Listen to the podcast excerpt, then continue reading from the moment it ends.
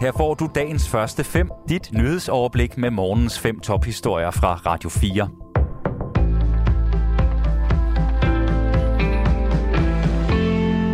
Det er tirsdag den 21. juni. Mit navn er Thomas Sand. Den danske økonomi risikerer at få en ordentlig nedtur, hvis virksomhederne ikke kan få leveret russisk gas, det siger cheføkonom i Sydbank Søren Christensen.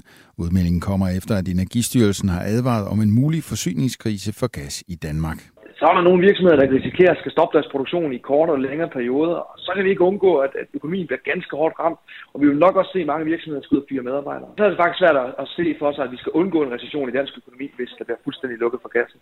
Advarslen kommer, fordi der er stigende usikkerhed for russiske gasleverancer. Hvis Danmark ender i en regulær forsyningskrise, vil gassen blive lukket for nogle virksomheder, for blandt andet at sikre gas til hospitaler og opvarmning af boliger. Det vil få store konsekvenser for erhvervslivet, siger Søren Christensen. Det betyder, at vi rykker tættere på en, den situation, hvor vi til stedet kommer til at mangle gas. Det betyder, altså, at vi skal være lidt mere bekymrede, end vi skulle i går. Et enigt regionsråd har besluttet igen at undersøge sundhed og sygdom blandt borgere i Grænsted efter en sag om forurening i byen, det skriver Region Syddanmark i en pressemeddelelse. Anne Philipsen fortæller. Regionsrådet følger dermed den anbefaling, som en udvidet forskergruppe kom med i begyndelsen af året. Vi i gang satte den oprindelige sundhedsundersøgelse, fordi vi tager bekymringerne for sundheden blandt nuværende og tidligere borgere i Grænsted alvorligt, siger regionsrådsformand Stefanie Lose i meddelelsen. Efter et grundigt arbejde er den udvidede forskergruppe i kølvandet på nye oplysninger og kritik af den oprindelige undersøgelse kommet frem til anbefalinger om yderligere undersøgelser, og den anbefaling følger vi naturligvis, lyder det fra Venstre Regionsrådsformanden. Forskernes undersøgelser blev indledt efter, at regionen blev gjort opmærksom på nye tilfælde af nervesygdommen ALS. Det gav tvivl om, hvorvidt der alligevel var øget sygdom blandt indbyggerne efter forurening fra blandt andet det tidligere Grænstedværk. Tidligere har forskerne undersøgt, om der var en øget sygdomsforekomst blandt borgerne, men det var ikke tilfældet, mente man.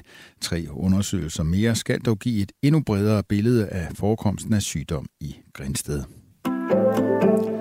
Hundredvis af danske soldater, der er blevet sendt til Letland for at styrke NATO's tilstedeværelse i Baltikum, er gået glip af vigtig træning, fordi der har manglet ammunition.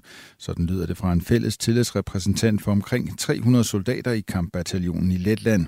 Fælles tillidsrepræsentanten hedder Dennis. Han ønsker ikke sit efternavn nævnt af sikkerhedsmæssige årsager. Det er ultimativt et spørgsmål om liv og død, siger han til DR. Manglen på ammunition gør, at man falder i niveau, og hvis Putin vælger at krydse grænsen har til sig, er man ikke 100% klar, siger han. Forsvarskommandoen bekræfter, at flere træningsaktiviteter er blevet aflyst, fordi der ikke har været tilstrækkeligt med ammunition.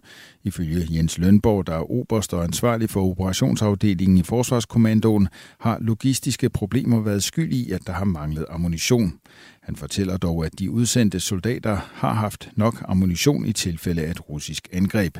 Og til træningen har der både været skarp og løs krudt til rådighed, forsikrer han også. Han kan godt forstå soldaternes frustration over manglen på ammunition i forhold til øvelserne, men han mener ikke, at de kan have mistet kritisk niveau.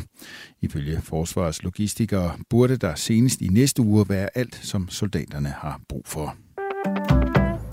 Regeringen vil reservere 25 procent af pladserne på videregående uddannelser til kvote 2. Det fremgår af et udspil fra regeringen. Regeringen foreslår, at en vis andel af pladserne på alle uddannelser fremover skal udbydes via kvote 2, sådan at kvote 2 fremover reelt tilbyder en alternativ vej til alle uddannelser i Danmark, lyder det i udspillet. Ansøger i kvote 2 skal have bestået en national optagelsesprøve for at komme i betragtning. Der kan være udenlandske soldater på vej til at slås på russisk side i Ukraine.